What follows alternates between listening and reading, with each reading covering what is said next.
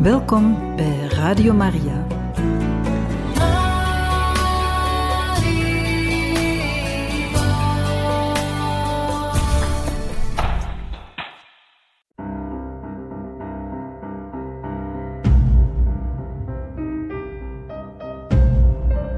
Het woord spreekt. Een programma van Radio Maria.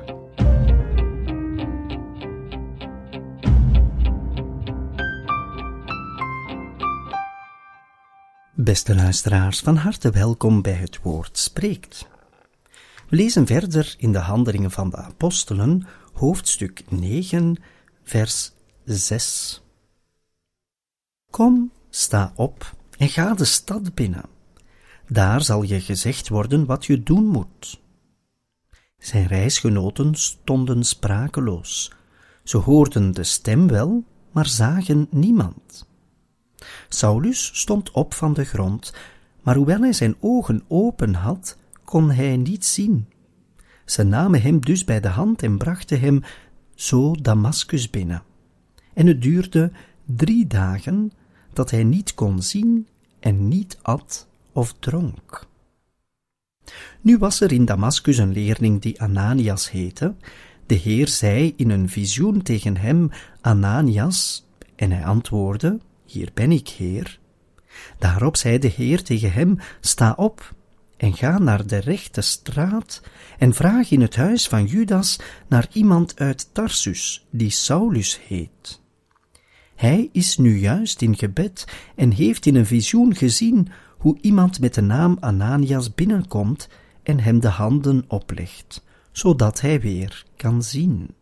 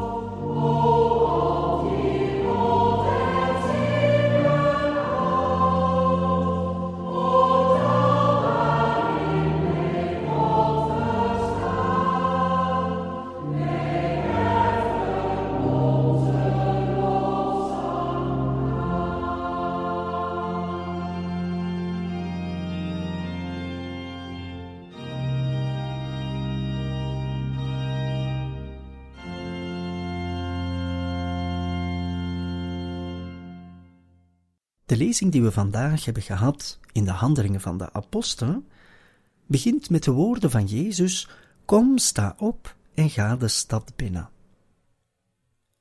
Jezus nodigt uit om terug op te staan. We weten dat Paulus omgeven werd door licht en dat hij op de grond viel.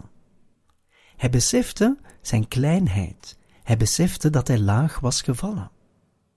En nu, door de stem van Jezus, in zijn naam zal hij terug kunnen opstaan. Paulus zal het later zeggen in zijn geschriften. Doe alles in de naam van Jezus. Wanneer Paulus dus zal opstaan, dan gebeurt dat door de naam van Jezus en door hetgeen dat hij heeft gehoord. Jezus die zegt, kom, sta op. En hij moet de stad binnengaan. En vanaf nu zal Jezus niet meer direct zorgen voor de bekering van Paulus, maar het zal gebeuren door instrumenten. Zo werkt het vaak in de kerk. Het eerste licht, de eerste genade, moet gegeven worden door God. En natuurlijk gebruikt God daarvoor ook zijn instrumenten. Hetgeen dat wij van genade krijgen van God, kunnen wij niet altijd begrijpen. En de instrumenten, vaak mensen van de kerk, zijn er om ons te begeleiden te midden van dat licht, om zelf terug te kunnen opstaan. En zo gaat Jezus verder. Daar zal je gezegd worden wat je doen moet. Jezus herhaalt dus niet het volledige evangelie nu aan Paulus. Paulus zal geleidelijk aan moeten ontdekken wat het evangelie inhoudt. Een bekering is een moment. Maar op dat moment ontvangt men niet het volledige pakketje, zeg maar. Het volledige pakket van het geloof. Het licht is reeds ontvangen, het geloof is gestart, maar het moet dan nog verwerkt worden. Het moet naar binnen treden. Het moet beleefd worden. Maar zo is het bij ieder van ons. Wij hebben allemaal geloof ontvangen, maar dan moeten we nog met dat geloof iets doen. De bekering is ook zo. Een bekering is nooit volledig onmiddellijk en direct. Een bekering is, men keert het hart naar God en vanaf dan ontvangt men van Hem. En vaak via tussenpersonen. En dat gaat geleidelijk aan.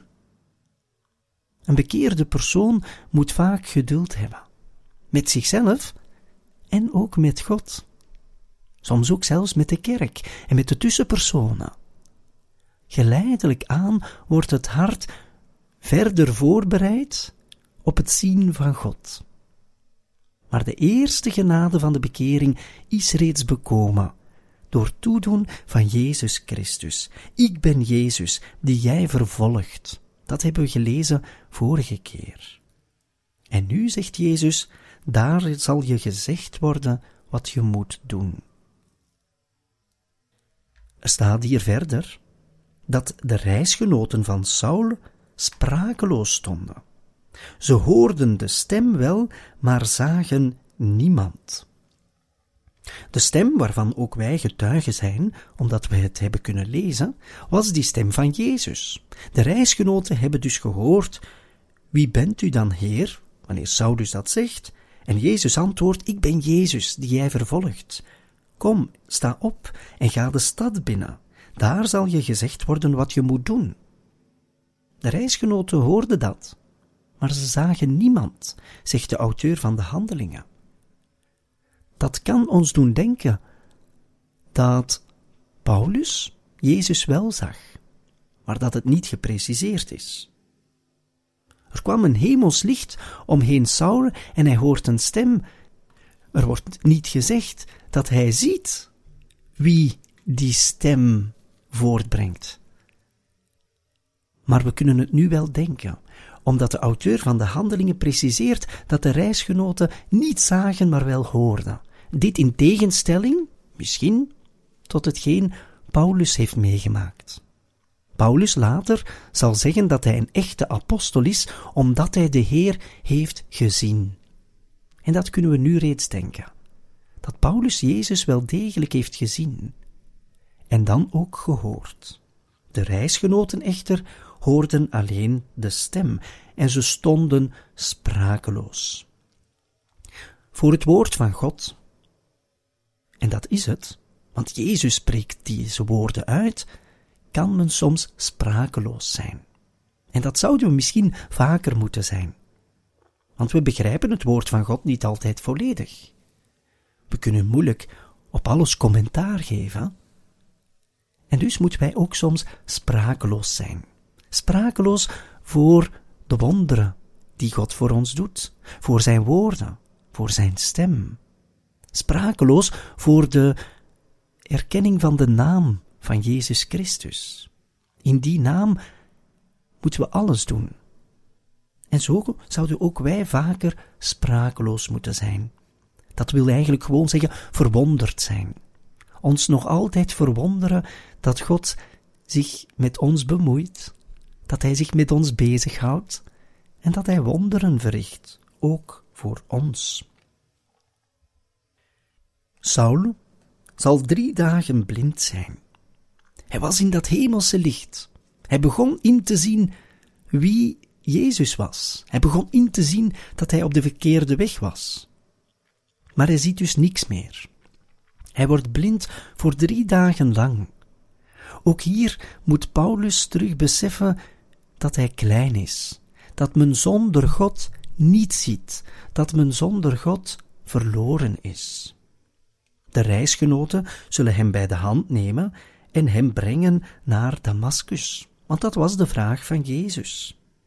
En daar zal hij drie dagen niet kunnen zien en hij zal niet eten of drinken. De bekering is begonnen, maar nu gaat hij leven, volgens het evangelie. En zo zijn er dagen, wanneer men de bruidegom niet ziet, zei Jezus in het evangelie, dat mijn leerlingen zullen vasten. De fariseeën hadden ooit gevraagd aan Jezus, waarom vasten wij wel en uw leerlingen niet? O, er zijn dagen, zegt Jezus als antwoord, dat zij de bruidegom niet bij hen hebben, en dan zullen ze vasten. Paulus staat op, omdat Jezus dat eigenlijk vraagt, kom, sta op. Maar hij ziet niets meer. De bruidegom heeft hem precies verlaten. En dus zal hij vasten. Hij begint onmiddellijk met de beleving van het evangelie, zoals Jezus het had gevraagd. Het belang van het vasten wordt vandaag eigenlijk niet meer uitgesproken. Er zijn er zeker nog die bidden en zeker ook nog vasten, maar vasten gebeurt misschien iets te weinig. Zeker als het gaat over een bekering en onze harten moeten allemaal bekering kennen. We moeten allemaal tot een moment komen dat we terug volledig van God kunnen zijn. Nu was er in Damascus een leerling die Ananias heette, zo gaat de handeling van de apostelen verder, en Ananias krijgt de opdracht om Paulus de handen op te leggen, zo staat er, opdat hij weer zou kunnen zien. Wederom zal er een instrument nodig zijn, om nu van de bekering van Saulus iets moois te kunnen maken. En vanuit dat instrument Ananias en de handoplegging zal Paulus terug kunnen zien. Hij zal terug volledig zichzelf zijn, maar nu volledig vernieuwd. En dat is het mysterie van de mens. Men blijft zichzelf en tegelijkertijd kan er zoveel veranderen. De eigen persoon verandert niet, maar wel hoe men in het leven staat. En zo zal Saul, die op de verkeerde weg was, op de juiste weg komen. Hij zal aanhanger worden van de weg. Dat is Jezus. En vanaf dat moment zal er nog maar één naam belangrijk zijn in het leven van Paulus. En dat is Jezus. Laat dat voor ons, beste luisteraars, hetzelfde zijn. Laat Jezus het centrum worden van ons leven. Laat Jezus de naam zijn die wij dagelijks durven uitspreken in ons gebed, eigenlijk op elk moment. Spreek die naam vaak uit. Jezus, Jezus. Want zo heeft Jezus zichzelf voorgesteld aan Saul, die Paulus wordt. Ik ben Jezus. En die Jezus, wel, die mogen wij vandaag nog altijd lief hebben. Laten we dat met z'n allen zeker doen, zoals Paulus het heeft gedaan vanaf de dag van zijn bekering. En zo hebben we vandaag gelezen in de Handelingen van de Apostelen, hoofdstuk 9, versen 6 tot en met 12.